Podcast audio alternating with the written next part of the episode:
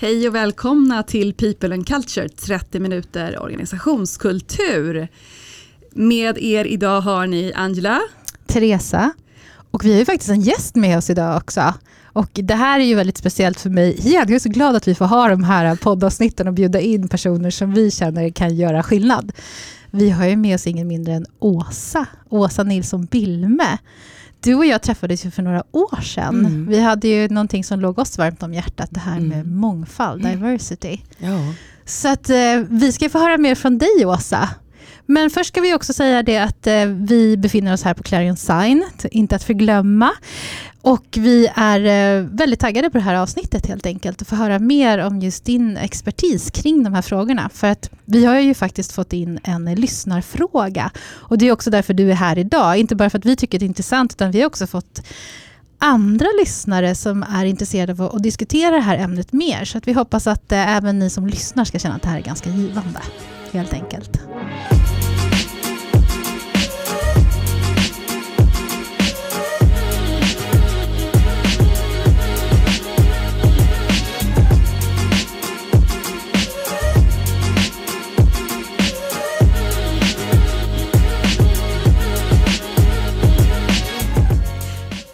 Berätta lite om vem du är, Åsa, och vad, vad du jobbar med. Ja, jag är alltså ansvarig för mångfaldsarbetet, mångfalds och inkluderingsarbetet eller jämställdhet, mångfalds och inkluderingsarbetet på Nordea. Men innan dess har jag jobbat med, med de här frågorna under en herrans massa år i en herrans massa olika sammanhang. Så mm, jag är väl vad man kan kalla lite grann av en mångfaldsnörd. Sådär. jag är väldigt marinerad i det. Så jag är så glad att, att det finns fler som tycker att det är spännande med de här frågorna. Kan inte du börja och definiera först mång begreppet mångfald? Mm. För jag tror att många kan ha olika associationer till vad man egentligen pratar om. Mm. Mångfald handlar ju om alla de olika bakgrunder, erfarenheter, talanger och egenskaper som vi har som människor. Så, och, och, och det, det, det, är ju lätt att man fastnar i det att vi pratar om kön eller att vi pratar om etnicitet eller att vi pratar om sexuell läggning eller funktionsvariationer eller ålder eller religioner eller, eller könsidentitet och sånt som brukar finnas på agendan och ofta så hanterar vi de här olika sakerna som att en person är en sak, en person är en etnicitet och en person är ett kön och så vidare. Men mångfald är ju det här och mycket, mycket mer. Det handlar ju om vad vi har för olika, det kan vara vår socioekonomisk bakgrund, spelar stor roll. Eh, det kan handla om eh, vilken livsstil vi väljer att ha. Det, det är så olika idag hur vi vill leva våra liv. Eller vilken livsfas vi är i. Vi pratar ju ofta om livsfasen småbarnsår men vi glömmer ju bort alla de andra livsfaserna.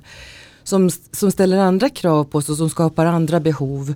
Och, och som också lär oss nya saker. För alla de här egenskaperna lär oss saker rikedomar som, som vi tar med oss in. Och jag är ju inte bara kvinna eller jag är inte bara av den etniciteten eller den sexuella läggningen utan jag har ju alla de här olika sakerna. Och kombinerat så blir ju alla de här olika egenskaperna som också kan utgöras av hur man tänker på olika sätt, hur man processar information på olika sätt, hur man kommunicerar på olika sätt.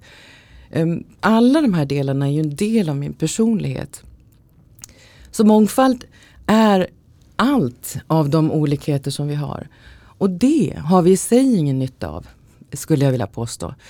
Det är först när vi använder inkludering som verktyg för att dra nytta av de här olikheterna. Först när vi börjar se varandras olikheter som tillgångar. När vi respekterar och uppskattar varandra. Det är först då vi drar nytta av mångfalden och det är det som är det lite knöliga i det här. För att man behöver tänka på väldigt många olika parametrar när man jobbar med mångfald. Så inkludering för mig är själva verktyget för att faktiskt dra nytta av det. Och då när vi förstår att vi vill dra nytta av mångfald att vi tror att det faktiskt tillför saker på jobbet eller i andra sammanhang. Då lägger vi ner det här eländiga ordet tolerans. Som jag skulle vilja att vi stryker ur hela vokabulären. Det, det, är ett ord som ofta används när vi pratar om det här att vi, vi är toleranta. Men det är ju ett väldigt obehagligt ord. Vem har rätt ja. att tolerera en annan? Och, och, att vi förknippar tolerans med någon typ av att vi är bra människor, det tycker jag illa om. Vi vill se, respektera och uppskatta varandras olikheter, det är då vi inkluderar varandra. För det blir nästan som ett fel utgångspunkt att man ska tolerera yeah. någonting. Absolut. Som att någonting egentligen kanske inte är acceptabelt. Mm. Men vi kan tolerera mm. det. Mm. Det blir nästan provocerande i sig. Jag förstår verkligen att du mm. reagerar så som du mm. gör. Det blir ett tolkningsföreträde som är ganska obehagligt. Ja, eller hur? Verkligen. Intressant.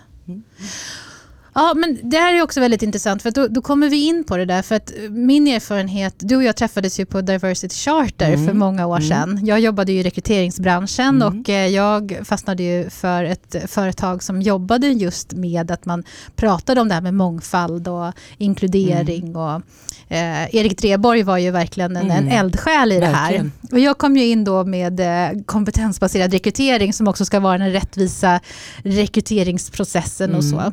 Eh, så vi har ju verkligen eh, haft någonting gemensamt på lång tid när det gäller det här. Ja.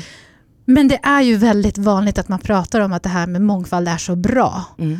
Men det är ju många, apropå det där huret, mm. som du säger, just det här att liksom, den här inkluderingen. Mm. Vad är det vad är det som gör att ett företag inte lyckas? De, många säger ju att de jobbar med, mot mångfald, mm. att det mm. ska bli mer eh, versifiering om man ska säga. Mm. Vad är det som gör att man inte kommer hela vägen? Vad skulle du säga? Vad är din erfarenhet? Eh, men, men för det första så, så, så ty, tycker jag att alla ska börja bli lite mer snälla mot sig själva. Ja. Därför att det här att arbeta med mångfald och inkludering är ju ett ständigt pågående arbete. Vi blir ju aldrig klara och då är det lätt att känna att vi kommer ingenstans. Att vi är, så att, kan det vara lätt att man ger upp ja, innan man har nått mål? Så att säga? Ja men precis, det, det, kan vara lätt att man ger upp för man tycker att det är svårt och krångligt. Ja. Så det är otroligt viktigt att varje steg på vägen också se de framsteg man gör och vad vi har lyckats med och verkligen fira de framstegen. För det är ett oändligt arbete som alltid behöver pågå så är det lätt att glömma det och se bara frustrationen. Men det beror ju på vad man menar med, för att svara på din fråga då, mm. att, det beror på vad man menar med att man inte lyckas. Det behöver ju sättas i relation till vad har man satt för mål. Ja. Då är det ofta, man, man pratar om att det kanske är könsbalans och man inte nått den könsbalans som man vill nå. Eh, och, och, och, det i sig då blir att man känner att man inte har lyckats. Men, men jag, jag tror att det här med att tro att vi kan göra en sak och där få ett resultat som gör att vi kan checka av det. Den inställningen, det, det kan vara svårt när det gäller mångfald och inkludering. Om man till exempel, nu ska vi satsa på rekrytering till exempel. Det, är rekrytering vi ska fokusera på. Och då är det ju väldigt, väldigt svårt att få ett företag att bli både mångfaldigt och inkluderande genom enbart rekryteringsinsatser. För att det är ju en sak att rekrytera in mångfald och nu vad det nu är. Vad det är man är ute mm. efter i att, att öka antalet människor inom. Sen är det ju en helt annan sak att behålla den mångfalden och en ytterligare sak att faktiskt dra nytta av den mångfalden. Så att jag skulle säga att om inte man har inkludering på plats, inkluderingsverktyget som sådant, då kan det vara knöligt. Då kan man uppleva den här frustrationen och om man också är fast i att det är räkna huvuden som gäller för att se hur man har utvecklats inom området, då, då, kan det, då kan man hamna i den känslan att vi kommer ingenstans, vi lyckas inte. En annan sak, att alltid tänka då, med, vad har vi för definition på mångfald? Hur, hur breda, alltså den är den här breda, breda definitionen på mångfald, att det handlar om alla våra olikheter. Då inser vi också ganska enkelt att mångfalden är vi ja. och inte dem. Jag tror att det är en annan sån snubbelkrok som man kan sätta för sig själv om man tänker att vi, vi lyckas, vi får ingen mångfald, men vi har ju massa människor här, vad är det? Så det, man behöver ju alltså se också att mångfald är vi. Då är det ju snarare så att det man inte lyckas med då är att nå vissa mål till exempel om man vill ha en jämn könsbalans i en ledningsgrupp eller vad man nu vill uppnå. Eller att nå nya marknadssegment eller att nå ökad kulturell kompetens eller vad det nu är man vill i de olika målsättningarna man har. Då är det ju det som inte man har lyckats med. Och, och, och det är viktigt att ha i åtanke att det här är, när man arbetar med mångfald och inkludering så handlar det om väldigt många saker samtidigt. Att bara göra enstaka eller fokuserade för att ja, ofta så pratar vi ju så att vi kan inte göra allt, vi måste göra en sak i taget. Och när det då inte lyckas på det sätt som man vill så då är det lätt att tappa lusten. Men jag, jag skulle säga att det handlar väldigt mycket om att göra många små saker samtidigt. Det behöver inte vara så krångliga. Men att ha många perspektiv med. Det hörs ju på ordet mångfald. Det är mycket hela mm. tiden. Och många små saker. Just det. Mm.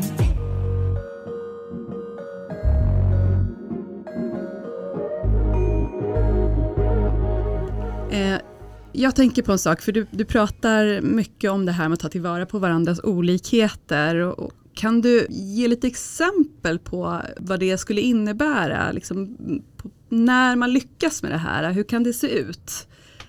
Ja, när jag säger inkludering som verktyg så kanske det är fel ord. Jag borde säga inkludering som verktygslåda. Mm, för att det beror ju på i vilka processer man är mm, och för att säkerställa det.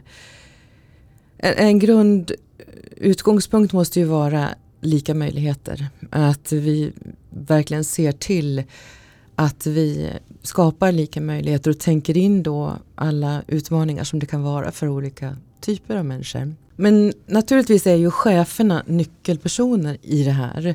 Att säkerställa att man faktiskt tar vara på mångfalden i sin grupp eller sitt team um, handlar ju om att verkligen se vars och ens olikhet i vad den kan bidra med.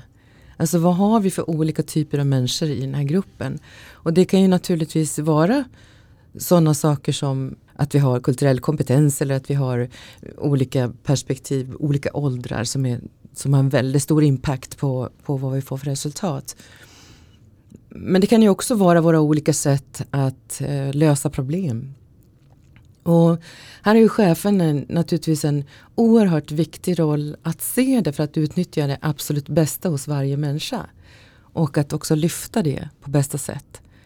Man kan ju ta sådana här löjliga sportmetaforer men jag tycker ibland att de kan vara rätt bra. På en fotbollsplan har man liksom olika uppgifter. Men man ska liksom leverera samma sak, ska vinna den här matchen. Men en del passar bättre till att vara mittfältare, en del är bicykleta människor längst fram. Mm. och andra är bra för att hålla tätt bakåt. Och alla är viktiga för att det ska bli ett bra, ett bra resultat på matchen. Och lite så behöver vi tänka på också på varje team. Att vi kompletterar varandra. Och, och om man börjar tänka så, så, så då, då, kommer man ju också till det att, att vi befolkar inte ett team med exakt likadana människor för då får man samma spelare som gör samma saker vilket gör att jag menar, det kan bli hål i försvaret om man säger. Men så det, är, det, det handlar om väldigt mycket om, om ledarnas förmåga att se styrkan hos olika människor och vad den människan bär med sig som kan ge nya perspektiv. Att öppna för att inga idéer är för korkade eller att öppna för att alla får plats i, ett, i alla, alla samtal och får möjlighet att bidra med det de, deras perspektiv. Så det är väldigt mycket både ett mindset hos ledarna men också som ni brukar prata om i podden, att det är så himla viktigt att man har struktur. Mm. Att det finns i alla HR-processer till exempel strukturer som säkerställer att vi har lika möjligheter till exempel. Och att vi också värderar insatser utifrån vad den personen, alltså på den personens kvaliteter. Och att vi inte jämför en person med en annan utan snarare mot vad vi ska, som, vad är som ska utföras. Annars hamnar ni i det här som kallas för contrast bias. Att man att man jämför en person mot en och det kan bli en väldigt orättvis jämförelsegrund. Och också skapa orättvisor i vem som får ta plats och, och ta lid och sådär. Um, så där är ledarnas roll där för att få ut det mesta möjliga av teamet är en nyckelfaktor förstås. Jag tänker också det här är väldigt intressant vi brukar prata om just att för att man ska lyckas med det man åstadkommer, vill åstadkomma så handlar det väldigt mycket om att identifiera. Mm. Och det är lite det du är inne på, att, att ledarna behöver identifiera vilka eh, spelare, mm. om man nu ska prata så, mm. den har. Mm. Och jag tänker också, som vi var inne på, det här med rekrytering. Mm. För att jag hörde ett ganska skrämmande exempel för många år sedan då när jag utbildades till rekryteringskonsult. Där det var ett stort internationellt bolag som sitter i Sverige som slogs på internationell plan om en otroligt kompetent kvinna. Mm. Som hade, alltså det var företag över hela världen som drog i henne och Mm. ville rekrytera henne. Det här svenska bolaget lyckas få in henne, Mm. vilket är fantastiskt. Men när hon väl kom in i den kulturen där. Mm. Här pratar vi svenska. Hon Mm. pratar inte ett ord svenska, hon var ju inte från Sverige. Här gör vi på det här sättet. Så det, det var- det dröjde bara några månader innan hon slutade. För där har, ju, där har man ju också, man har ju inte synkat där heller.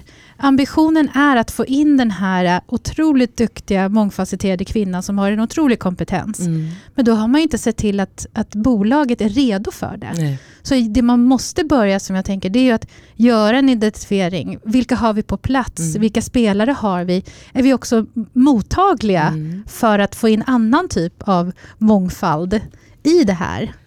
Ja precis, det är exakt så. Eh, Det är en sak att rekrytera mångfald då, Mm. om, om hon får representera mångfalden Mm. eftersom de saknar då, då kvinnor kanske. Mm. Men en helt annan sak att behålla dem. Utan inkludering på plats, det är det jag menar. Eh, Mångfalden i sig, att vi har en massa olikheter på plats, det har vi egentligen ingen nytta av om vi inte tar vara på den. Och då måste vi naturligtvis vara inkluderande. Jag, jag pratade ju om ledarna, men det handlar också om medarbetarskap. Mm. Um, att vi alla har det mindsetet också gentemot varann. Och förstår att vi kan lära oss saker av varandra. Um, alltså i varje dialog så lär vi oss nya saker om varandra, av varandra. Som, som gör att vi växer tillsammans. Ja, där hörde jag ju ett annat exempel nu. En eh, bekant då, som hade sökt ett jobb och som fick höra att eh, hon var för lugn för den här tjänsten. Mm. För att på det här företaget så var man väldigt energiska Mm. och drivna. Men rollen hon sökte till var ju en klassisk analytisk roll, Mm. om man nu ska hårdra det. Eh, och hon är ju otroligt analytisk, detaljfokuserad. Så det låter som att hon har varit perfekt för jobbet. Mm. Men hennes personlighet Mm. passade inte in. Mm. Och det tycker jag också är ganska intressant, för det ställer ganska många följdfrågor Mm. egentligen. För då är lite så här, min fråga till dig här då är, eh, skulle du säga att det finns någonting som går före? En person som kanske matchar kulturen i personligheten, men har inte kanske kompetensen för det jobbet kräver. Mm. Apropå att kunna se olikheter.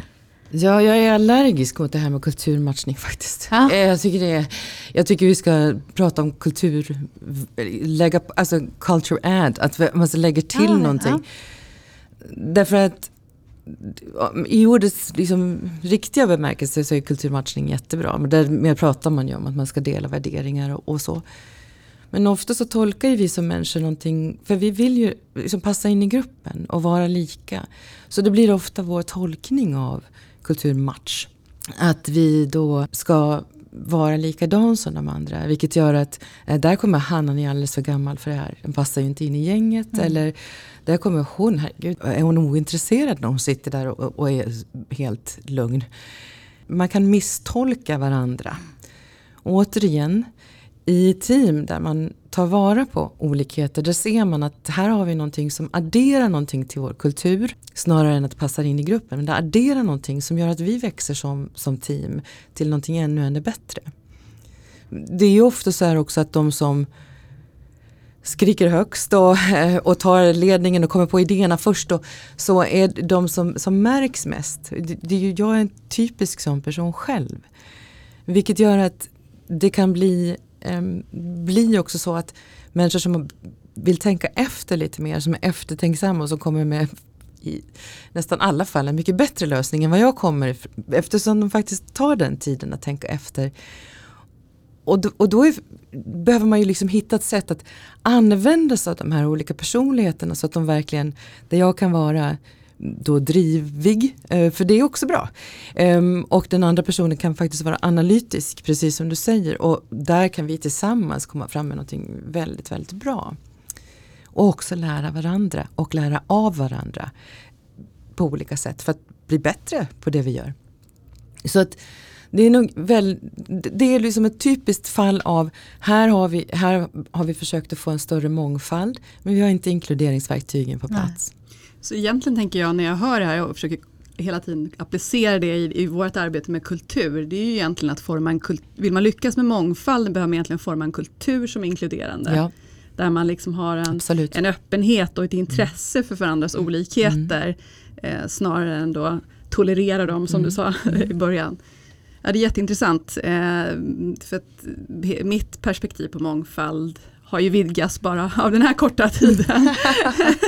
ja, men jag, det, det, det är liksom, det är så här begrepp som, som jag tycker man pratar väldigt mycket. Därför är det bra att du fick definiera det i början. Mm. För att det, det är lik, likadant som hållbarhet och sånt där som också pratas väldigt mycket om. Mm. Vad menar man med det? Mm. Liksom, och plötsligt finns det någon hållbarhetsexpert i organisationen. Och ingen, Mm. Så därför är det väldigt intressant att, att förstå liksom, Mm. mångfald när man ska jobba med det.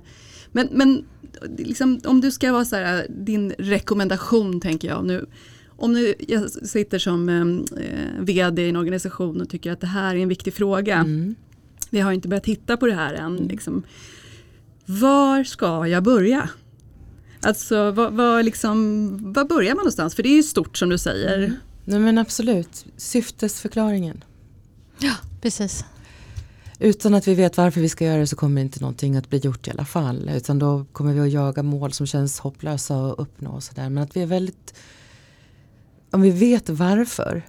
Det gäller ju i alla delar av livet. Det blir så mycket enklare om vi vet varför vi ska göra någonting. Då löser vi det. Då vi kommer att komma fram till något sätt att göra det på. Så syftesförklaringen tror jag är det absolut viktigaste. Att börja med det. Det är mycket viktigare än definitioner av, av mångfald. Så varför vill vi? Vad är det vi vill åt? Och, och sen kan man sätta mål utifrån det och bestämma sig för olika actions som tar oss fram till det här målet då. Som leder oss närmare och närmare för att vi verkligen ska jobba framåt och utvecklas i förhållande till det syfte som vi har, har satt. Och det kan ju se olika ut i olika organisationer. Varför vill vi göra det? Det kan ju vara organisationer som vill nå bredare marknader. Eh, som det kanske är huvudsyftet. Vi vill nå bredare. Eh, och, och då blir det helt plötsligt, ah men då måste vi ha in mer mångfald. Alltså då blir det väldigt tydligt att, att, eh, att det är grejen. Hur gör vi det då? Då kan vi sätta eh, handlingsplanen. Så jag tror att syftesförklaringen är det absolut, absolut viktigaste. Men sen i det arbetet så, så, så beror det ju på vad man sätter för mål, vad man vill uppnå. Det, det är väldigt många som, som till exempel har könsbalans därför att det är enkelt att räkna huvuden.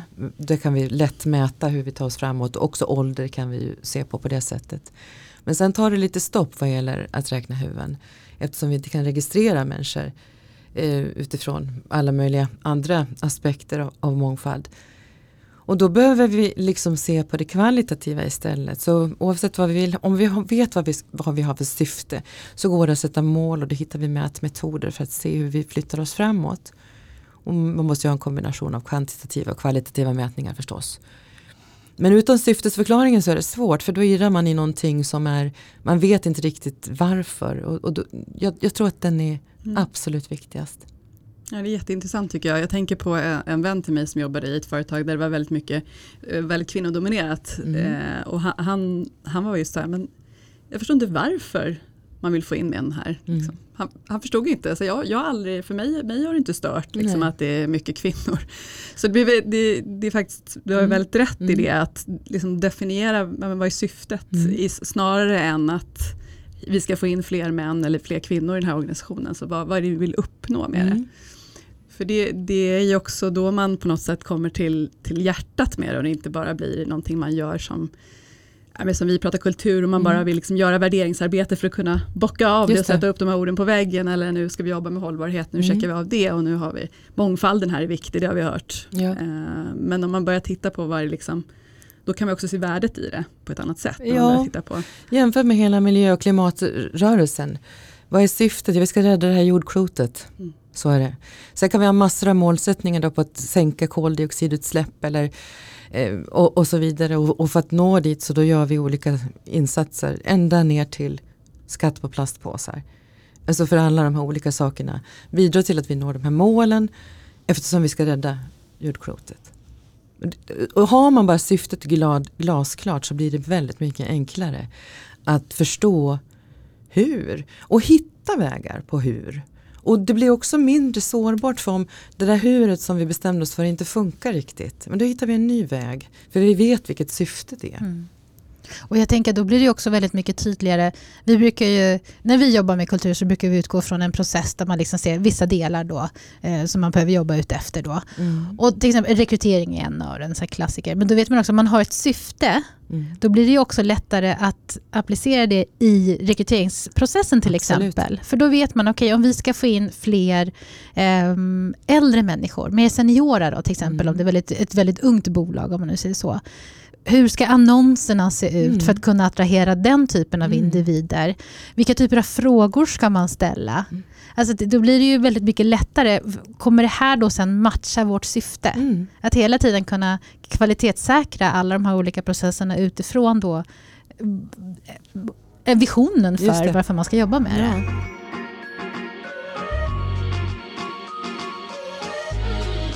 Om du kan beskriva lite grann, um, hur, hur, ser ditt arbete ut idag? Som du behöver inte gå in på detalj så, men jag tänker, vad har du för, för roll? Mm. Vad innebär din roll på Nordea där du är idag? Ja, den innebär ju att jag är någon typ av Ja, eh, att jag är någon typ av coach i det här arbetet. För jag kan inte ändra det här. Alltså det måste vi göra tillsammans. Vi jobbar ju med väldigt mycket delat ägarskap. Och jag tycker en av nycklarna till, till det jag tycker vi har lyckats med det är att vi faktiskt har, vi har modet att verkligen lyfta olika minoritetsperspektiv då om vi jämför med majoriteten.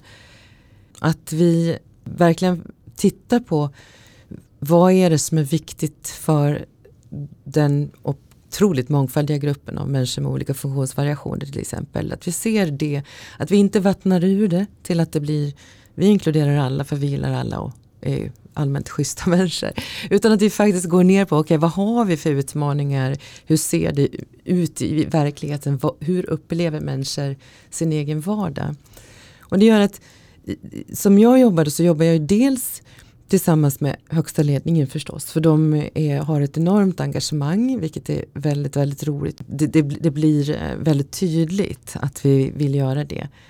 Men hela den mer traditionella processen när man tänker liksom top down, alltså traditionellt hierarkiskt.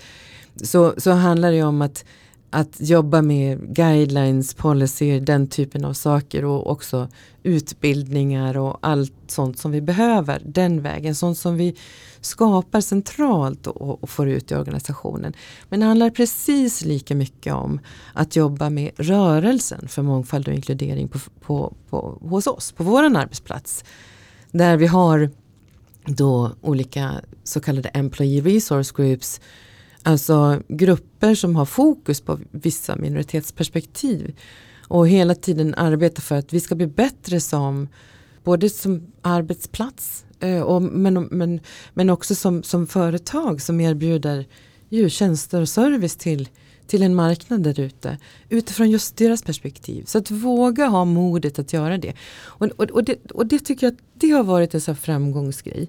Men det betyder att jag är ju liksom inte den som, som gör det här utan det är precis alla. Vi har, liksom, vi har ledningen, vi har cheferna, vi har alla medarbetare och vi har en stark rörelse som också är ihopkopplad med högsta ledningen direkt. Så Det blir väldigt lite av en, av en hierarkisk struktur och mycket mer av ett nät som vi jobbar i.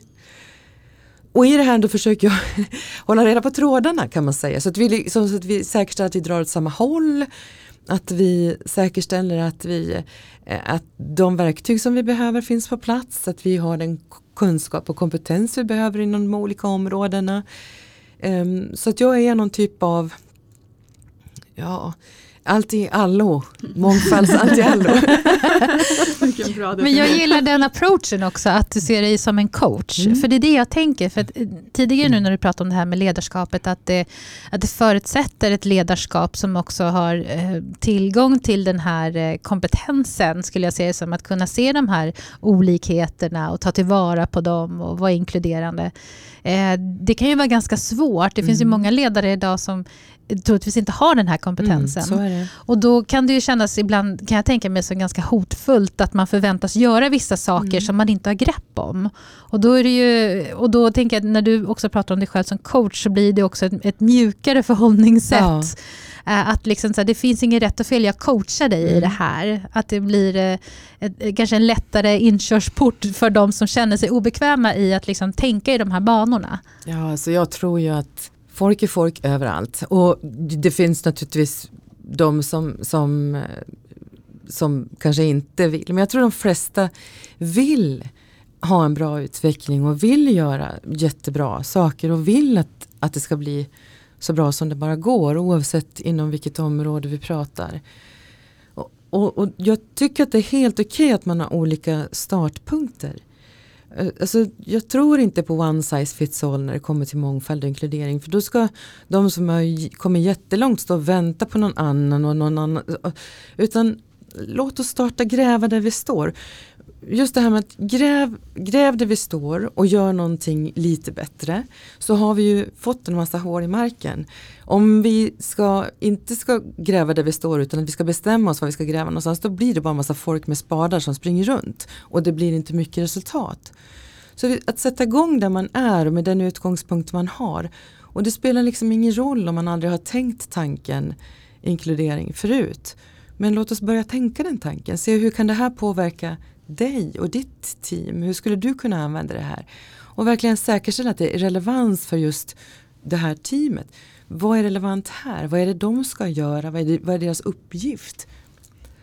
Och hur kan det här med mångfald och inkludering göra att det arbetet blir ännu bättre och att man får ett ännu bättre resultat.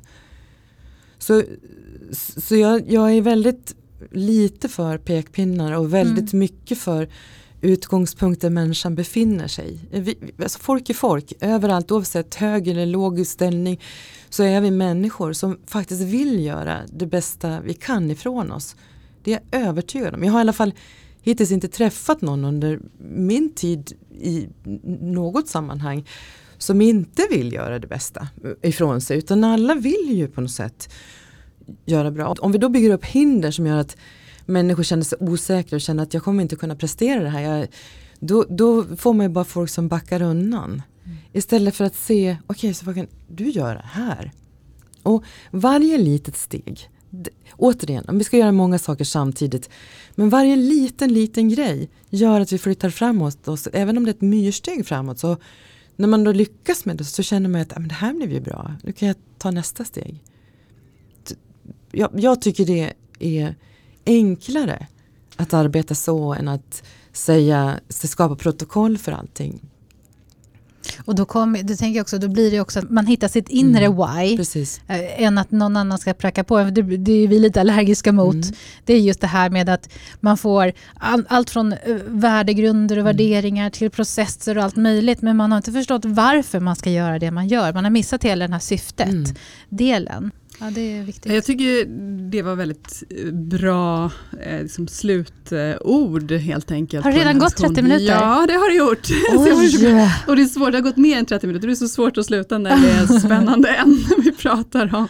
Men jag tänkte en, en sak till som jag skulle vilja fråga dig. De som lyssnar på det här tycker det här är så himla intressant Mm. och vill förkovra sig och lära sig mer. Har du något tips kanske på någon bok eller någonstans man kan få mer information rörande de här mångfaldsfrågor och hur man kan jobba med det i organisationer?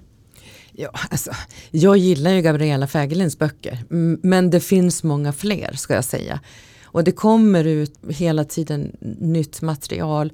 Och det diskuteras ju också mer och mer på ett väldigt enkelt och tillgängligt sätt eh, via sociala medier.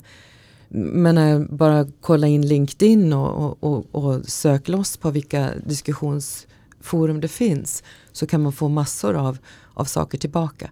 Men mm, för att den här, den här första mångfald i praktiken, alltså den är väldigt bra. Den har ju funnits några år, men jag tror att hon har gjort en ny utgåva nu. Det, det är väldigt tydligt och enkelt och klart beskrivet. Så det, det skulle jag vilja tipsa om.